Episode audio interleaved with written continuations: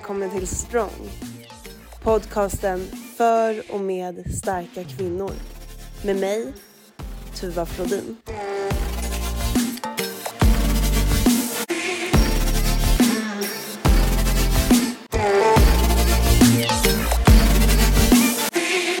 att jag har spelat in och sen har det typ eh, liksom försvunnit Ja. lite grann.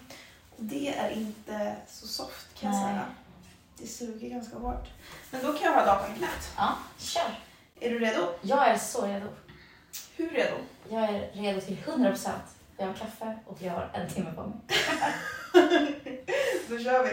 Då... eh, Jag brukar alltid hälsa välkommen med för och efternamn. Ja, tack Astrid. Astrid. Troilet Så Astrid Troilet Ahlbäck. Ahlbäck. Välkommen till Tack så podden. Hur mår du? Jag mår toppen. Det är fan en bra dag idag. Solen skiner. Mm. Jag har tränat. Jag har jobbat. Jag ska jobba igen. Mm. Det är en enkel dag idag. Det är en enkel dag. Ja, för jag har bara tränat ett pass istället för typ tre pass eller fyra. Okej. Då är det enkel dag. Så, så en svår dag, då tränar du fyra pass alltså? Ja, och då kan det vara liksom pilates, yoga, bar, styrka som den heter. Mm. Och sen så när jag undervisar megaformer, då går jag bara runt och pratar. Och jag kan prata hur mycket som helst. Så det är liksom det minsta problemet jag har. så då, då är det en enkel dag. Typ som idag har jag bara megaformpass. Mm. Så då har jag sju klasser där jag bara pratar ut på. Tror du att det var därför vår gemensamma kompis My tipsade dig om att du skulle vara med i podden? Där jag kan sitta och prata länge. Mm. Absolut, 100%. Eller, eller, Hon bara, när tjattran. Ja. eller tror du att hon eh, tänkte på någonting annat? Jag kanske tänkte på att jag jobbar väldigt mycket. Jag har mitt egna bolag och eh, tar mina chanser. Säger upp mig från ställen där jag tycker att de inte behandlar anställda bra eller där jag tycker att de liksom inte ser värdet i att ha en personal som älskar sitt jobb. Så då säger jag bara tack och hej och sen så, ja. Var så jag hamnade här. Har du alltid varit så? Ja, det har jag.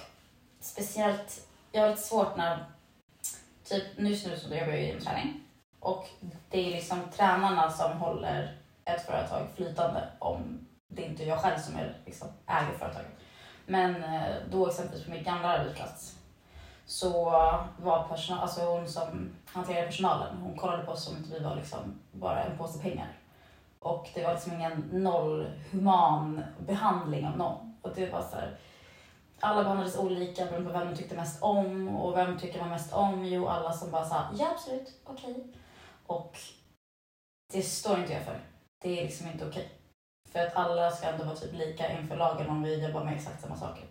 Och så var det inte. Och vem är här? Min chef. Hur... ehm, Hon är världens snällaste människa.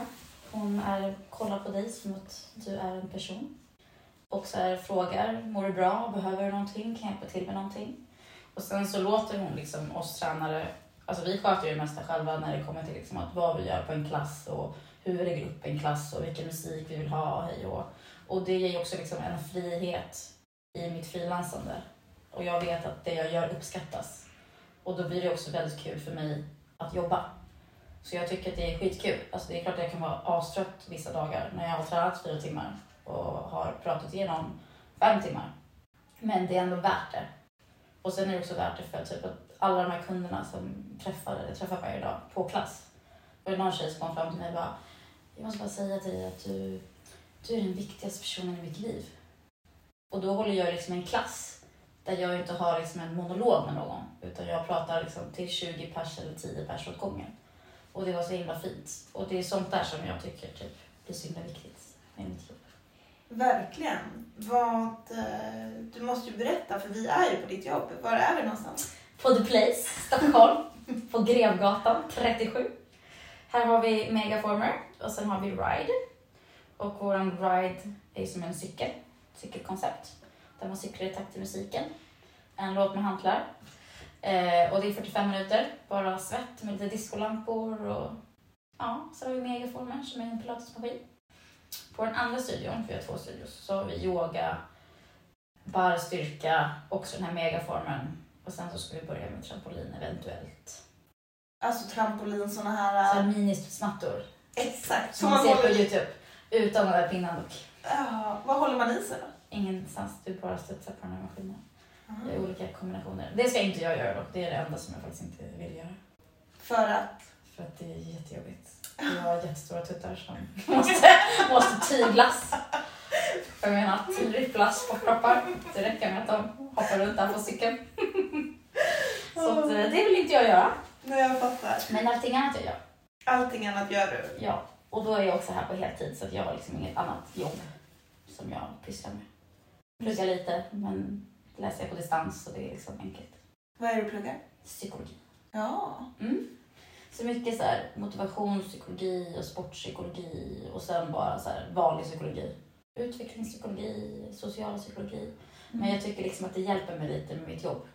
För att eftersom jag träffar så mycket folk hela dagarna så tycker jag typ att ju mer jag kan om människan desto mer kan jag hjälpa till om någon behöver. Verkligen. Vad... eh, För du har jobbat ganska länge med träning. Så först var jag dansare och sen bröt jag mina fötter. Och då som vi pratade om så började jag köra PT. Och sen tävlade jag i fitness. Och sen efter det så fortsatte jag med PT och tåget ett tag. Tills jag kände så här, nu har jag jobbat så mycket som personlig tränare att jag vill typ göra någonting annat. Och så är jag mycket som person också, att jag gör någonting ett tag och sen så vill jag typ, vad annat kan jag göra? Men sen kanske som inom samma liksom bransch. Och då började jag instruera klasser. Vilket också var skitkul. Och ett tag var jag bara på Sats. Och nu är jag bara här. Vad är det bästa med att jobba med träning? Det bästa är nog att se hur folk typ... Man, det är svårt kanske för en själv att se typ förändringar på sin kropp. Men jag tycker inte heller så här, kroppsliga förändringar är så intressant. Utan det intressanta är typ att se någon som kommer in som en liten mus. Och sen typ efter fem gånger, den här personen kanske kommer en gång i veckan. Och sen kommer den in den där sjätte veckan och bara har så mycket självförtroende och typ känner sig stark. Och det tycker jag är så himla fint. Och att man får komma och liksom vara som man är. Det behöver inte vara, just nu råkar vi vara på Östermalm men det betyder inte att, liksom att folk är snobbiga eller otrevliga utan det är ett väldigt varmt ställe. Och folk tycker om att prata med varandra och frågar och undrar och det är väldigt fint. Men det bästa med att träna är verkligen att se typ hur folk utvecklas. Bara rent så här själv, med självförtroende. Det är ändå lite kul att du nämner eh, det här med det kroppsliga i träning. I och Ja, med att du har ju tävlat inom fitness. ja exakt. Och sen, där är ju bara kropp. där är det, i alla fall det som bedöms. Ja. Sen är det Ja. väldigt mycket annat mentalt. Ja, ja, och- för en själv. ja, då är det ganska lite kropp Ja. jag säga. Då är det bara huvud. Var, varför tror du att eh, du vill ändå göra det men så säger du ändå att det viktigaste är ju... Nej men jag tror också typ att när du mår bra fysiskt med dig själv. Det betyder inte att man ska vara liksom en smal bikinifitness-tjej med åtta pack. Men när man känner sig stark fysiskt så kommer det också någon mental styrka i det. Att man orkar mera och man tycker att, jag vet inte, det är samma sak som man kan typ tänka sig ur en depression. Och att träna frigör endorfiner som gör att du kanske känner dig lite lyckligare där och då. Men sen så när det blir en regelbundenhet så kommer ju liksom det mentala efter. Och sen kan ju den här backen till att man faktiskt gör träning till en regelbundenhet vara väldigt lång. Men jag tror inte man får tappa sig där på vägen. För att det är så här, små vardagliga beslut. Tyder inte att man måste springa ett maraton två gånger i veckan eller att man måste så här, stå och styrketräna fyra timmar om dagen. Utan bara så här, jag tog en promenad idag. Jag gick på ett yogapass. Idag körde jag 40 minuter cykel. Eller så här, det är små saker. Och det är liksom... Det blir ju liksom en mental... Du måste ha ändrat ditt sätt att tänka och liksom planera in din träning. Och så här, jag gör det för mig själv. Det är inte från annan, det är inte för att någon tvingat mig. Jag gör det sen för att det är kul. Jag gör det sen för att så här, fan vad bra jag mår. Och liksom de här andra resultaten som inte bara är fysiska. Det blir ju typ som en bonus. Det fysiska resultatet. Och då tror jag att man mår bättre sen. Efterhand. Jag Verkligen. minns själv typ när jag var, hade brutit mina fötter. Då var jag så här, kunde inte träna, var asdeppig. Ville inte träna och var så här. Jag la mycket typ av min lycka typ i min kropp och det som jag kunde göra. Och sen när jag bröt båda mina fötter, då kunde jag inte göra ett jävla skit. Och då mådde jag så jävla dåligt för då var jag tvungen att så här, sitta med mig själv i mitt eget huvud och bara, ja, nu sitter jag här och gör ingenting. Och då började jag plugga. Men så fort jag liksom kunde gå så visste jag så här, jag måste bara röra på mig. Och då mådde jag bättre. Så jag det går mycket hand i hand. Men det är lite roligt att du säger att man kan tänka sig ur en depression. För sen är du också inne och snuddar på det här när du bröt dina fötter. För det låter ju ändå som att det var Ja, inte... då var jag så jävla deppig. Precis, kan du inte liksom utveckla det lite mer? De två, alltså situationen och eh, uttalandet att man skulle Jo, kunna men jag tänka sig. jag, i början när jag bröt mig fötter tyckte jag väldigt synd om mig själv. Mm.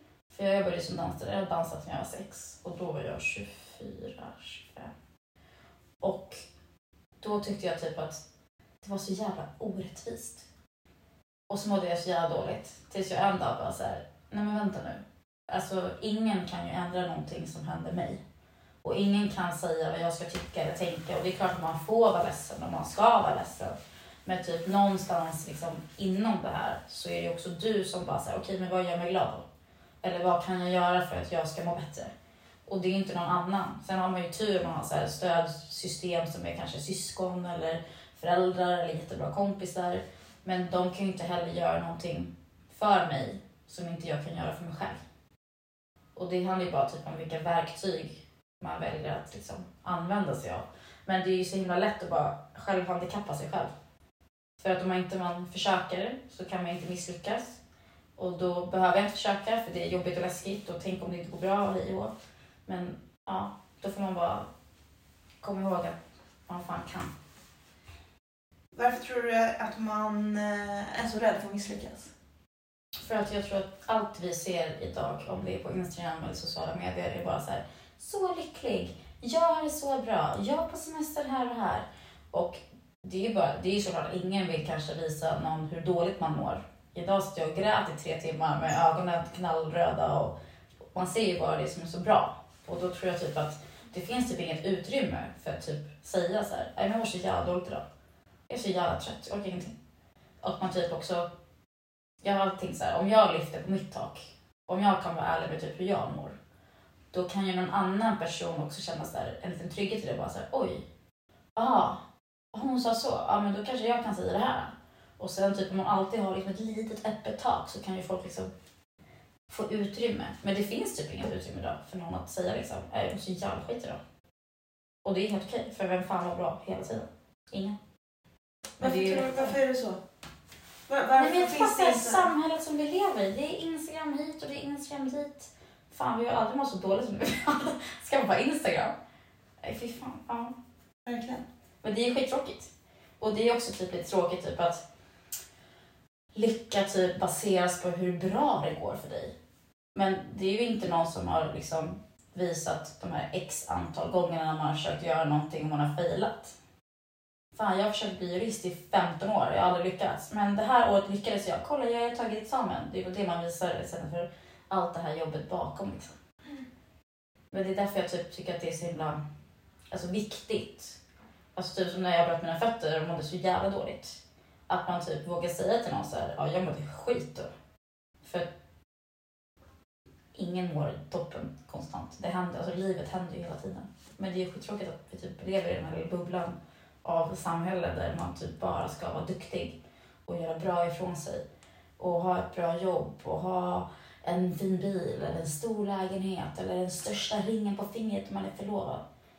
Och det fattade jag typ mycket när jag var i Argentina, där min pappa kommer ifrån, hos min familj där nere.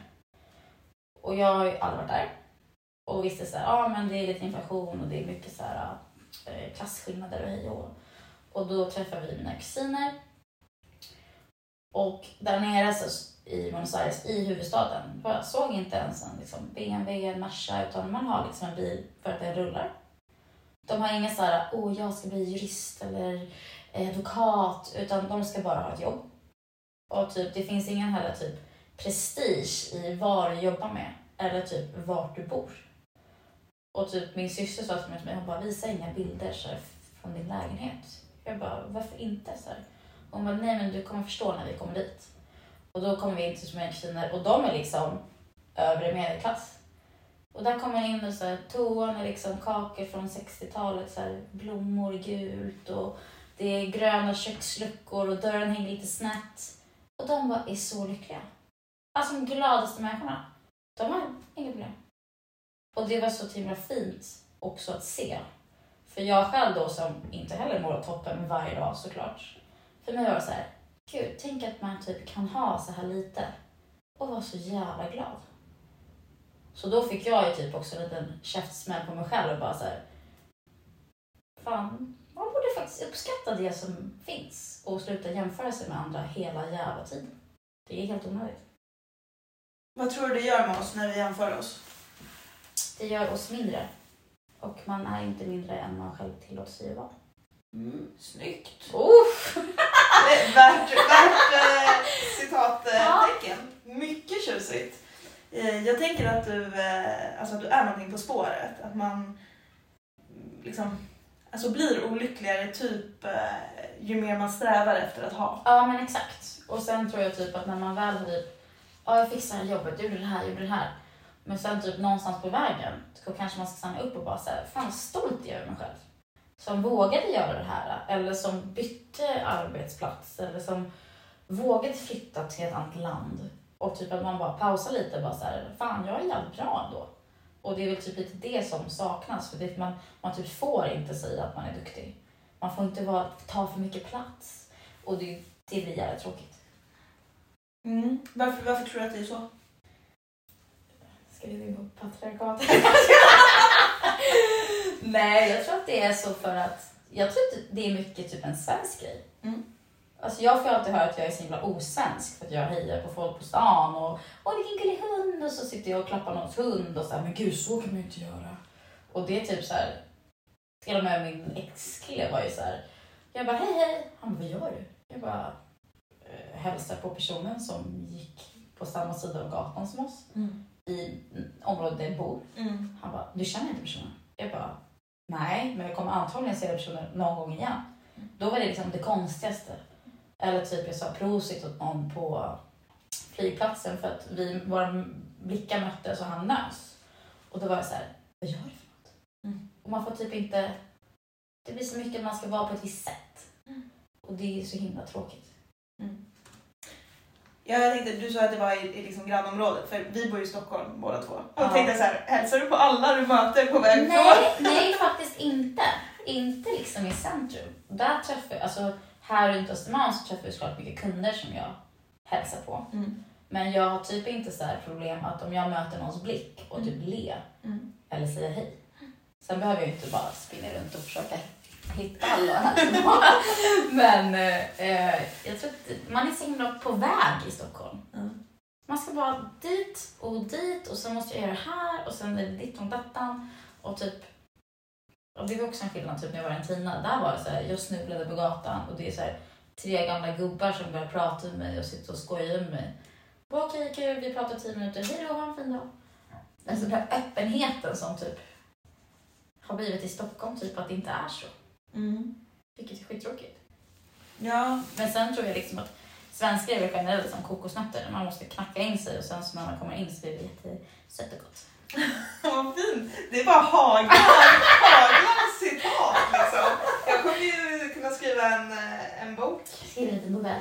Nej men vad, vad fint att, att du hade den. Jag visste inte att den fanns på lager. Ja, men Kokosnötsreferensen. jag tycker, eller typ också typ när jag har haft mycket så här utländska kunder. Mm. De, de har ingen kompis på typ två år för de tycker att det är så svårt att bli kompisar. För här tycker jag också att det är mycket så här grupper. Det här är min kompisgrupp och det här är min jobbgrupp och de här två grupperna får aldrig liksom blandas. Och, och då är det också svårt att typ känna sig kanske lite öppen till nya människor. Det är Mm. samma sak om typ, du sitter i en bar med två kompisar och det sätter sig två stycken bredvid er. Så kanske man liksom inte alltid bjuder in till samtal. Nej. Även om det skulle vara möjligt. Liksom. Nej, det gör vi ju inte. Men jag tror det där är ett Stockholmssyndrom. Mm.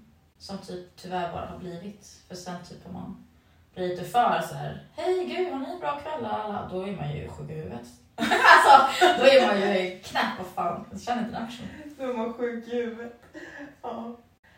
Nej men jag, eh, jag hör dig. Jag tror att det finns någonting i det. Det du säger.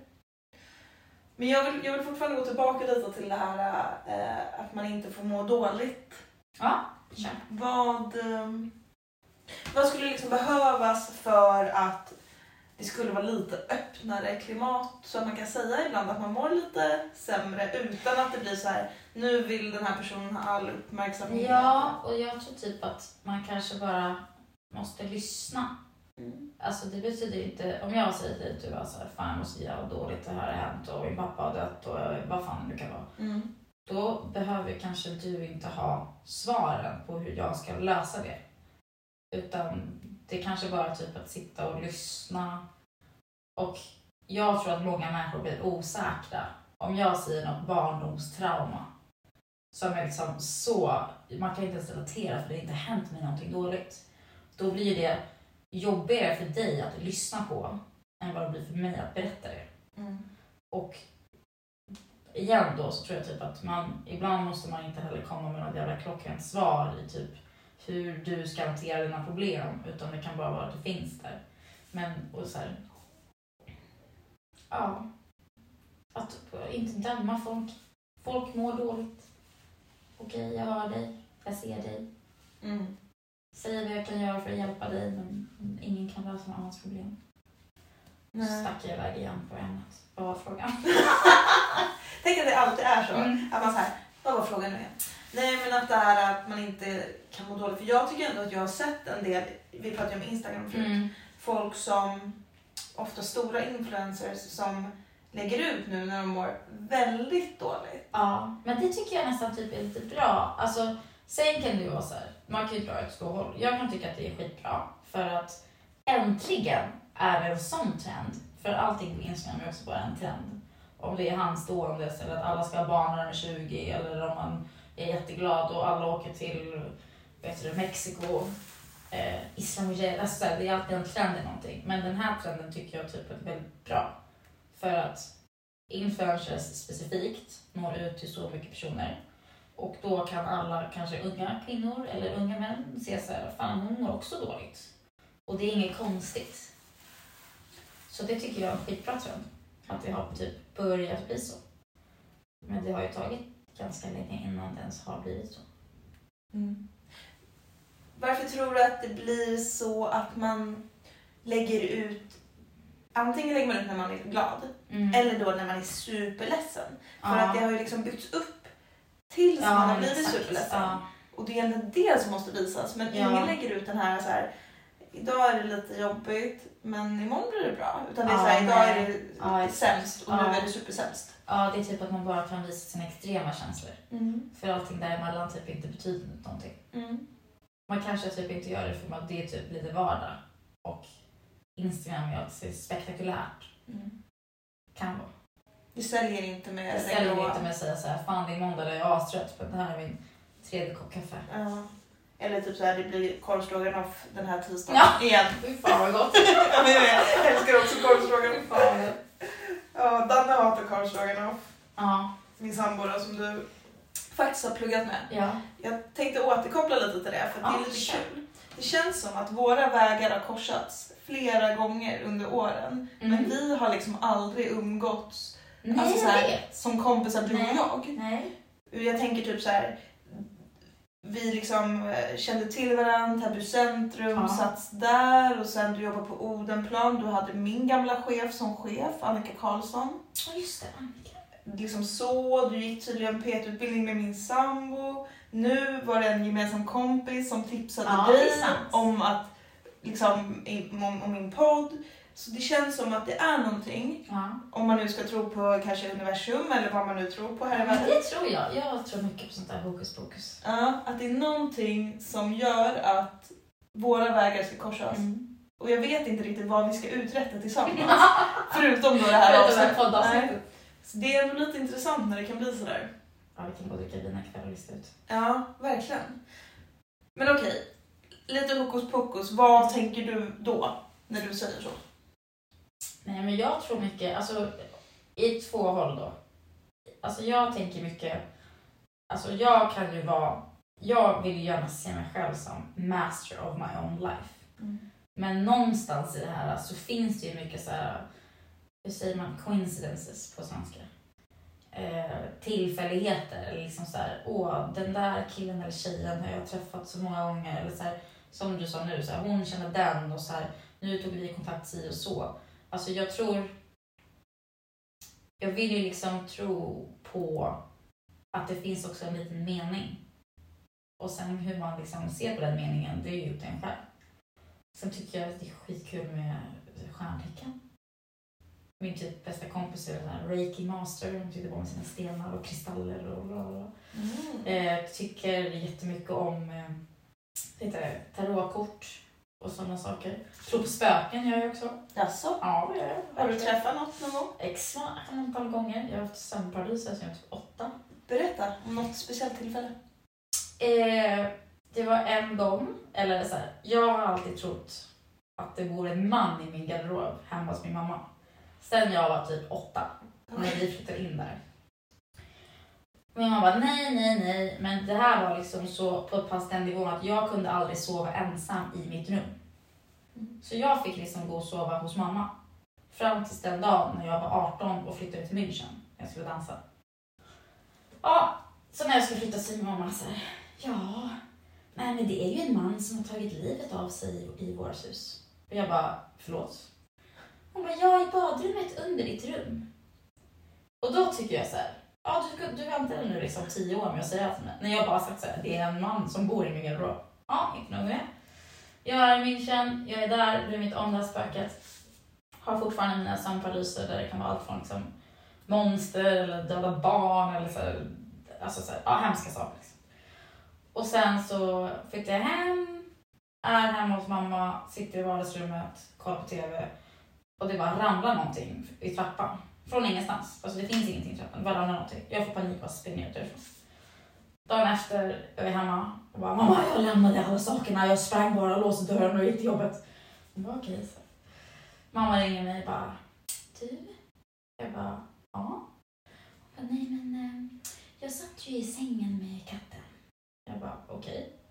Hon bara ja. Och så lät det som att någon gick i trappan. Jag bara ja okej. Vad, vad tror du att spöket vill Astrid? Jag bara, jag bara, vet du vad? Inte mitt problem nu. Och sen har hon typ sagt så här att hon hör så här knackande ljud från mitt rum. Ja. Och min, jag har en hund också. Och min hund springer alltid upp och bara står och skäller i mitt rum. Ja. Så sa jag till vad fan gör du med det här ljudet då? Hon bara, nej men ibland går jag bara och pratar med spöken. Och typ så här, är snäll mot honom. Jag bara, okej mamma, lycka till med spöken. Nej men så det var typ min första spökhistoria Ja. som jag har. Annars har jag bara såhär, ja, sömnparalyser. Drömde någon gång att det satt en gammal gubbe och skrek i hörnet av mitt rum. Då när mitt ex väckte mig bara, Astrid, Astrid, det, det prasslar i hörnet. Och jag bara, vad sa du till mig nu? Att det prasslar i hörnet? Jag bara, det var där gubben satt. typ. Ja. Så att det, för sådana här saker kallas man knäpp. Men eh, ja, Jag tycker ändå att det sånt där tror jag på. Ja, men jag tycker det är Jag intressant. tror liksom att det finns liksom andar och något typ av ja, spökliv eller efterliv för döda och sånt där. Mm. Det känns som att det är för enkelt för att det inte skulle finnas det. Ja, vad roligt att du säger det. Jag fick nämligen en kommentar en gång på ett jobb då det var en... Jag var nämligen på en kanalisering och då berättade jag det och sen så berätt, då sa min kollega, för, före detta kollega där, som jag inte jobbade längre, att så här, håller du på med sånt här för att du står inte ut med att det bara är så här. Det här är allt. Jaha. Och då kände jag så här, då kände jag så här, det här är inte allt. Nej, Jag blev nästan så här, man blir det är helt defensivt. Jag blev jättearg för att jag kände så här. Det, jag blev inte arg för att hon anklagade mig för att jag inte kunde acceptera det. Jag Nej, blev arg för att det är inte så. nej. Och kanske för att man bara såhär, okej men låt mig tro på det här då. Ja. Eller, men sen tror jag typ att, alltså jag som typ har trott att det finns ett spöke då i mitt barn, alltså mitt flickrum i Mm. liksom över tio år. Där liksom, nu är jag 32 och ska bli 33. Mm. Tror fortfarande på det där. Mm. Alltså det måste ju typ också ha hänt någonting för att man ska tro på det. Mm. Alltså för annars är det ju helt sjukt. Typ som när min farmor gick bort och jag satt bredvid henne. Hon säger till mig så här, Astrid du måste flytta lite på dig. Jag bara, vad menar du? Hon bara, nej men du, du, du trängs med den här mannen som står bredvid dig. Och jag bara, okej, okej jag måste förstå mig. Alltså så att jag tror liksom att det är för enkelt. Jag tror inte bara att det är att man går till jobbet och går dit och hej och hå, bussen är där, la la. Men det blir gärna så. För att det finns inget utrymme någonstans. Eller typ en gång när jag var med min nuvarande pojke han, pojkvän, han eh, har släkt i Dalarna och gör där på ett vinhotell. Och eh, då hade han bokat så här vinprovning för att igen då tycker om att dricka vin. och eh, Filip tycker också om att dricka vin. Och då så är vi där, det är liksom bara gamlingar. Alltså det är ingen som är under 80. Och vi två. I alla fall. Vi sitter väl och bra sådär. Så går förbi en gammal tant så här. Så bara, åh, hur går det för er? Jag bara, jättebra tack. Jag ska gå eh, med min hund. Jag bara, hundtokig som jag är. Jag bara, har du en hund? Hon bara, ja han är precis här runt hörnet. Vill du följa med? Jag bara, ja jättegärna. Så. Kommer in, den här lilla tanten har liksom en rottweiler för typ så här 60 kilo. Jag bara, what the fuck? Jag bara, okej. Och den snällaste lilla hunden sätts ner. Och hon ser liksom lite så här häxig ut. Det är så här stora örhängen och det är pärlor och det är håret uppsatt och det hänger lite lockar. Och så har han så här jätteblåa ögon. Och sen så jag bara, ah, jag ser att du har någon med dig. Jag bara, men jag har med mig. Jag bara, menar du min kille? Han bara, nej, nej, nej. Eller hon bara, nej, nej, nej, nej. Jag bara, aha. Hon bara, har din pappa gått bort? Jag bara, "Eh, ja, det här var tre år sedan. Hon bara, han är här bakom. Och jag bara börjar störtböla och gå tillbaka till Filip. Och hon bara, nej men du ska veta att eh, han, han finns här, jag ser honom. Så att du är trygg. Så. Och jag går tillbaka till Filip och bara, och grinar och bara, jag kan inte prata om vad som precis hände. Och han är ju en sån här person som inte tror på något sånt där. Mm. Alltså han är ju så logisk som han kan bli. Liksom. Mm. Och jag bara, nej men det är helt sjukt. Och eh, ja, det var annars så här. Men då tyckte jag ju ännu mer typ att, som du säger, att det är, kan inte vara så här enkelt. Och hon var ju själv så här, jag har levt alltså hundra liv typ. Mm. Jag har varit hundra personer. Jag bara, okej.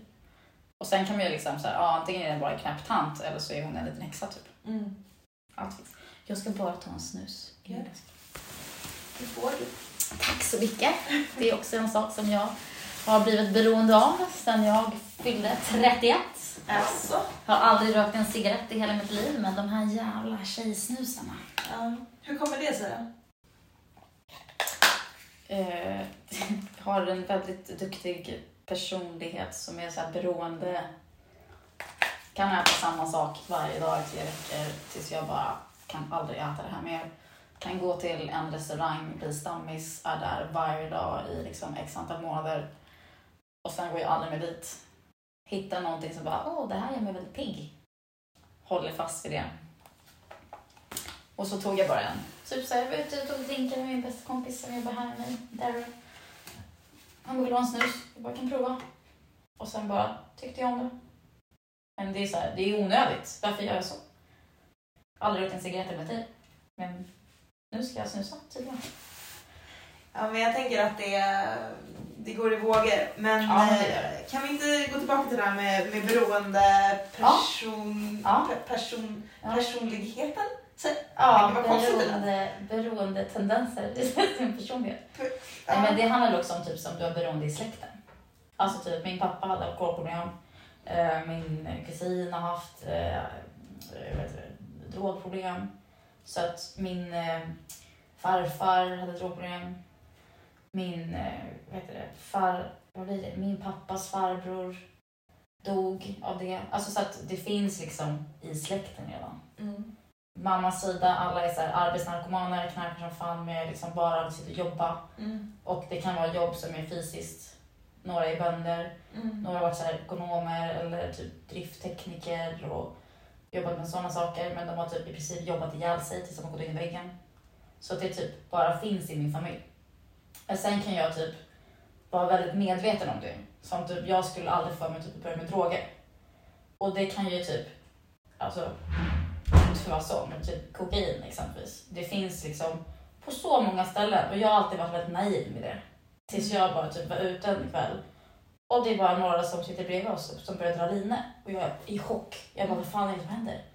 Eller typ, jag hade en kund en gång som kom in på en måndag och jag bara, tja hur är det? Han bara, skitbra, kokainfri en vecka. Och jag bara, eh, jag vet inte ens var jag ska börja. Och typ, eftersom jag vet om det här med mig själv så har jag också en liten distans till det. Typ att, okej nu tycker jag att den här snusen är lite snäll. Det är liksom lite okej då. Men hade jag börjat med någonting som jag vet, alltså jag vet med mig själv, alltså hade jag börjat typ, ta droger, så tror jag att jag hade mått så pass bra att jag 100% hade fortsatt med det. Mm. 100%. Därför vill jag liksom inte kliva in i den boxen. Jag fattar. Usch. Skulle du säga att du var, är en eh, dopamin-junkie? Ja, 100%. 100%. 100 procent. 100%. Varför tror du att du är det? Alltså jag mår som bäst när jag tränar. Mm. Jag tycker inte liksom att träning, alltså träning för mig det är liksom någonting jag gör för att jag vet att jag mår bra av det. När jag inte har tränat så har jag mått som sämst i mitt liv. Jag har alltid typ sen jag var liten typ så här, löst mina mentala problem med träning. Och sen kan det typ ett tag gick det väldigt långt när jag jobbade som dansare. Alltså jag vägde som minst typ så här 38 kilo. Det är lite. Det är extremt lite. Det är så osunt det kan vara. Men i min lilla ballettbubbla så var det helt normalt att vara så här smal. Eh, men, och det är ju liksom också en form där typ träning går för långt. Och då måste man ju typ ha någon typ av självinsikt och självdistans kring vad träning ska vara för någonting. Mm. Och sen har jag absolut haft perioder där jag typ inte tränar alls. Och då är det också skönt att inte träna. Men igen då, då mår jag som sämst. Mm. Och allting som typ får mig att må bra vill jag gärna göra. Mm. Och just nu är det typ träning. Mm. Eller typ när jag ser mina kunder bli så extremt glada. De kommer in och har en pissig dag, går Mm. hem och bara som en sol. och det triggar också mig. Liksom. Men 100% en dopaminjunkie. Finns det någonting mer än träning som du gör för att eh, liksom, frigöra dopaminet? Jag behöver umgås med människor. Mm. Jag mår också som sämst när jag är ensam. Mm. Det låter så himla sorgligt. Varför då? Men, nej men typ, jag eh, hatar att komma hem och bara ligga ensam och typ kolla på TV. Jag har inte ens en TV. Nej. Jag har mina skolböcker. Jag tycker att det är skittråkigt. Sen råkar jag ha en katt som håller mig sällskap. Det är trevligt. Men, och min lilla hund. Mm. Som Men du, jag- du har båda dem hemma hos dig? Ja, jag, min hund, min mamma har inget jobb just nu. Mm. Så att, eh, jag kallar honom lilla terapiludde. Mm. Så att uh, Ludde är väldigt mycket hos min mamma. Mm. Eh, eftersom jag jobbar väldigt mycket. Mm. Katten klarar sig väldigt bra själv. Liksom. Jag åker hem och sover och mot- motar honom och hej och. Mm. Men hunden behövs ju liksom promeneras och ditten och. Så att han är mycket hos min mamma. Och så har jag honom när jag, eller hon ska göra någonting. Så hon är väl typ 80% hos henne och 20% hos mig. Mm. Katten och hunden funkade asbra tillsammans. Jätte, alltså vi gick och la oss med katten här och hunden på andra sidan. Mm. Tills den dagen min hund ville leka med min katt. Och katten blev rädd och satte klon i ögat. Oh. Så nu är det som att ha så här, Ryssland och USA i min lilla lägenhet Mm. på 46 kvadrat. Jag bara är FN och bara vart är hunden, vart är katten? Gå på toa bara, jag kan inte lämna ensam, jag måste med hunden toa. Alltså typ så. Men annars är. Men jag, eh, nej, jag är som gladast när jag träffar folk. Det är väl jättehärligt och då har du ju helt rätt jobb också tänker jag. Ja, det blir väl, idag är det väl 90 pers som jag får träffa. Det är så många ju. Ja, det är många klasser. Ja. Jag eh, tänker vi ska leka en lek. Mm. Vi ska leka pest eller kolera. Har du lekt den? nej. Nej. Okej. Eh, Jag lekte en tidigare ett avsnitt med en annan och då körde vi så här fitness eh, edition. Men nu tänker jag att vi ska köra lite mer så här eh, lite mer basic, allmän. Eh, det kommer bli lite roliga frågor. Helt Ja. enkelt. Du kommer få två påståenden Ja, och det kommer ju då vara skit eller skit i stort sett. ja. Och du ska välja vilken av de här du helst... Som är minst skit. Ja, och sen vill jag ha en bra förklaring. Okej, Är du redo? ja, jag är redo. Jag tänker att du kan tycka att det här är lite kul. Ja. Eller jag kan i alla fall tycka det. Okej. Eh, vad väljer du av att skära dig på papper varje gång du läser något eller bita dig i munnen varje gång du äter? Nej, jag tycker om att äta varje gång jag läser något. Inte, skär, inte bita mig med tungan. Det är fan det värsta som finns. Ja, det är riktigt jobbigt. Då läser jag hellre och tar fingrarna. Så när du, eh, ja precis, det blir ju att du, när du läser någonting med papper liksom. Ja. Så du kan ju läsa på telefonen. Ja, exakt. Väldigt smart. Gav Synd att jag var en sån här som tycker om att skriva ut artiklar och läsa dem i pappersform. För jag kan inte läsa på datan. Men jag var tant. Jag bara, det går inte. Pappersform. Okej, vad väljer du mellan att ha en extra bröstvårta Ja. eller ett extra finger? ett extra finger tror jag. Det känns handy. Du vet när tjejer har så här 15 telefoner, kaffekoppar, nycklar, almanacka i en hand. Det känns som en extra finger hade varit perfekt. Var någonstans skulle det sitta? Bredvid lillfingret hoppas jag. Och vad sk- skulle det vara också typ ett lillfinger? Eller skulle det vara ett annat finger? Nej, ett lillfinger till. Annars hade det sett konstigt ut. Det hade sett konstigt ut ändå. Men eh, ett lillfinger. Ett lillfinger? Ja. Ja. Ö, ö, ö. Då ska vi se. Jag tänker att... Eh, alltså, de här är ju så knäppa. Jag sitter och läser på en hemsida.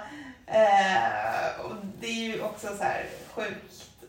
Okej, vad väljer du? Bli hälften så lång eller bli en meter längre? Jag är redan jättekort. Jag hade sett jätte... Ja, då hade jag... En meter längre. Nej, då är jag fan 2,60. Nej, jag, jag tar en meter minus då. 60 Häl- centimeter. hälften så lång. Hälften så lång. Ja, då är jag 80 centimeter lång. Det är jag och dagisbarn. Perfekt. Får alltid visa längd på systemet. På tal om det, får du göra det fortfarande? Ja, men ibland Mm. så får inte jag göra det. Mhm. Och då blir jag liksom lite besviken. Hur, vad, liksom, vad tänker du då? då? Oftast när jag har smink på mig, som jag inte har idag, Mm. då får jag inte lägga. Men när jag inte har smink, då får jag lägga. Så att det, tricket är att gå dit och se så ful ut som möjligt så att man alltid får lägga. Ah, just det. Jag bara försökte få ihop det. Nej, Så- men när jag har smink på mig då Ja. ser jag lite äldre ut. Ah, och då behöver du inte lägga? Då behöver jag inte Då lägga. behöver du inte lägga, okej. Ja, men... Men när jag går dit med mina mjukiskläder och hoodie Ja. och ser ut som en 12-åring, då behöver jag lägga. Okej, det här är lite kul med tanke på det vi pratade om tidigare med, med spöken och grejer. Ja. Skulle du vilja veta när du ska dö eller veta hur du kommer dö? Åh, spännande. Nej, hur kanske? Jag vill inte veta när. Då måste man gå runt med så mycket ångest och typ när jag ska dö, det kommer vara om fyra år på en måndag. Mm. Men om det är hur? Ja, jag vet, vill hellre veta hur. Så om jag säger till dig men det kommer ske i, i en flygkrasch. Kommer du någonsin våga flyga igen då? Nej, kanske inte. det är också typ min värsta mardröm, flygklass. Eller bli uppäten av en haj, det är också ganska hemskt. Ja men vad kul för då har jag nämligen en till Ja, här. om hajen. Ja. Kör. Skulle hajen. du... Eh, precis. Skulle du helst vara i en tank med hajar eller i en bur med tigrar? Eh, I en bur med tigrar, faktiskt. 100 procent. Ja, du skulle det? Ja, inga hajar. Nej, jag tycker hajar är så äckliga. De är så snabba också. Uh. Vad skulle du göra då? då? Om jag är i bur med tigrar, Ja. då hade jag nog bara lagt mig ner. Och blivit uppäten. Eller försökt att klappa dem, för de är så fina. Men en haj, hajar, nej. Det är också med vatten. Jag tycker inte om vatten. Tycker du inte om vatten? en badkruka. Jag hatar att bada. Alltså jag hatar att bada. Jag kan bada i en pool. Till jag ser botten. Jag hatar att bada. Alltså, du skulle aldrig sätta din fot i en sjö? Alltså jag har inte badat i en sjö på typ tio år. I havet då? Nej, om det inte typ doppar fötterna. Alltså jag hatar att bada. Så här, ah, nej. Vad är det som är så obehagligt med att bada? Man ser inte ens i vatten. Jag vet hur mycket saker som finns i vattnet som jag inte vet någonting om. Ja, Usch. Nej. Jag tycker inte om, jag tycker om att ha koll liksom. jag vill gärna veta vad som finns och vad som är. Vad som är. Mm. Tror du man kan det då? Veta hela tiden vad som, vad som finns? Ja, men om jag ser att det är en tiger så ser jag att det är en tiger. Men om jag går ner i ett vatten som är helt svart, som typ i sjö, sjön i Täby. Mm. Jag vet inte vad som är där under. Nej. inte. Är du från Täby? Ja, jag är uppvuxen i Gripelund. Jaha.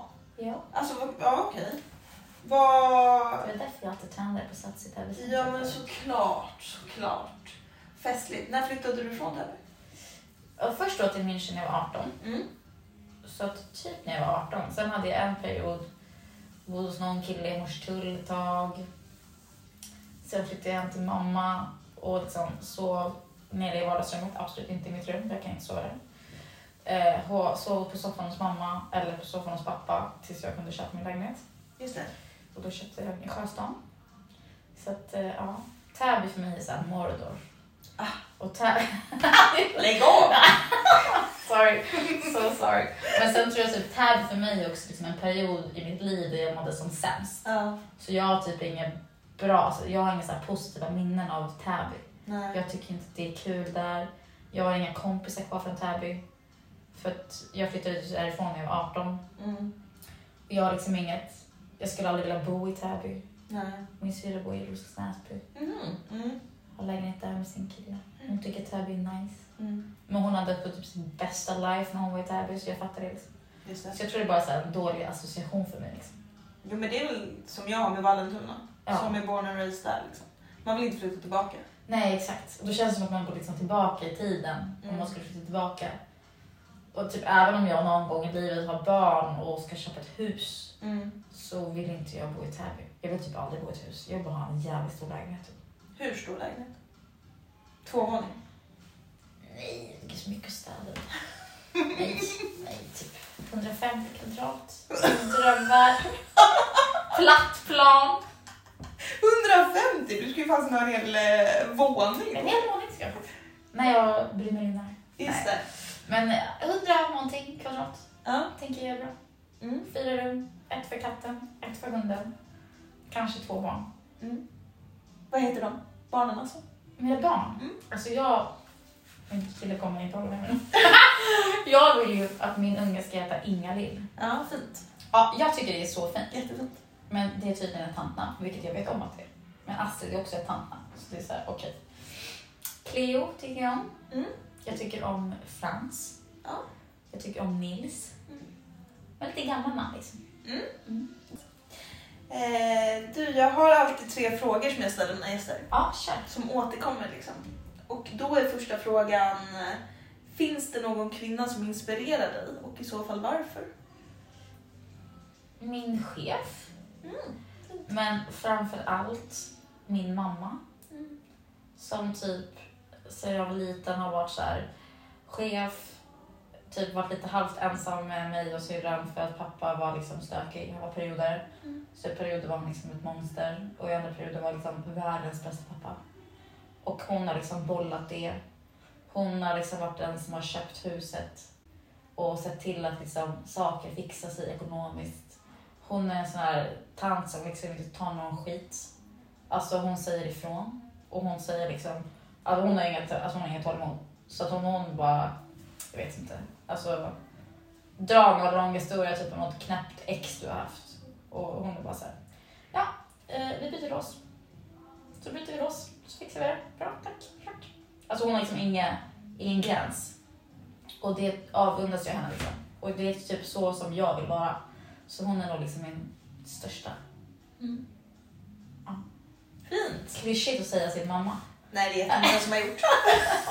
jag tycker att det är fint. Ja. Jag tycker att det säger någonting om eh, eh, vad man har för förebilder. Liksom. Ja. Att, eh, det är också väldigt bra betyg för alla mammor som blir nämnda. Att Ja. de, ja, de har gjort det bra. att de har gjort någonting bra. Mm. Och jag tror också att många av de mammorna inte kanske alltid känner att de har gjort något bra.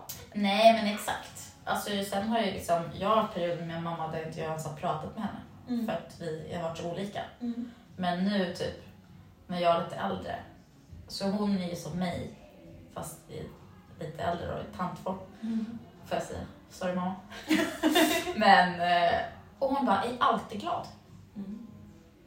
Fan, hela tiden är jag glad. Så jag bara, att du ens orkar. Mm. Men hon, ja det är bra. Härligt. Eh, ja, och sen så brukar jag också fråga om du visste att du skulle lyckas med någonting, Ja. vad hade det varit? Eller vad hade du gjort? Liksom? Om du bara visste så här, det, det här jag gör nu, det kommer jag lyckas med.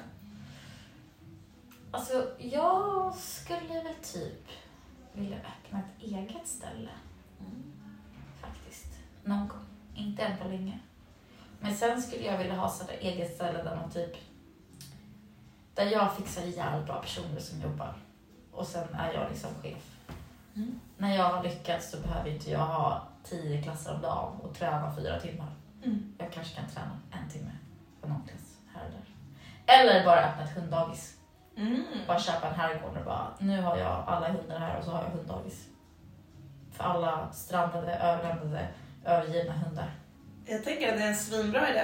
Just det med hunddagar så jag tror att det kommer behövas också. Om några år så kommer det finnas så himla många hundar som inte... Alla coronahundar som inga än vill ha längre. Det är så sorgligt. Det är väldigt sorgligt. Nice. Nu är vi på min sista fråga. Ja, kör.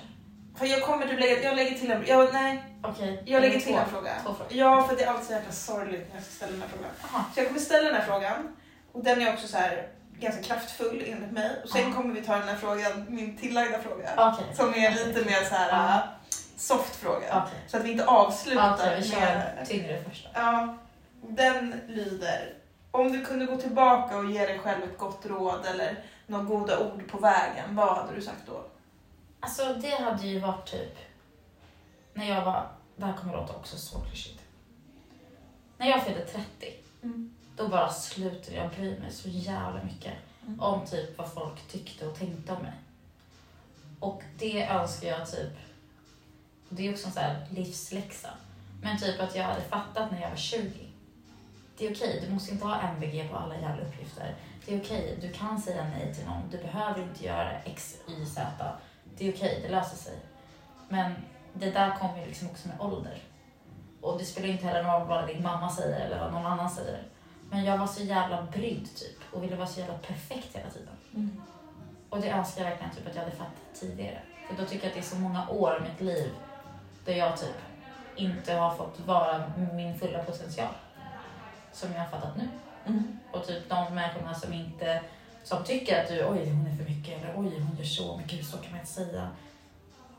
De människorna behöver man inte ha i sin krets liksom. Snyggt! Mm. Och här brukar jag alltid säga så här, ja vad fint, ja jag förstår, bra, vi låter den eh, liksom viben gå ut till alla. Ja. Och sen brukar vi avsluta här. Ja. Men det kommer vi inte göra nu. Nej. Utan det kommer du, Vi tar en till. Ja, vi tar en till fråga. Som är really simple. Ja. Vad är din favoriträtt? Åh, alltså vet du, jag hatar att laga mat. Mhm. Men fan vad jag älskar lasagne. Mm. Eller pasta. Mm. Men jag ehm, hatar att laga mat. Mm. Så jag lagar aldrig mat. Tur att min kille tycker om att laga mat. Verkligen. Jag kan typ koka potatis. Sen vill jag bara äta snabbt. Så att, men om jag någon gång i livet skulle få för mig att ställa mig i köket så vill jag gärna laga en lasagne. Boom.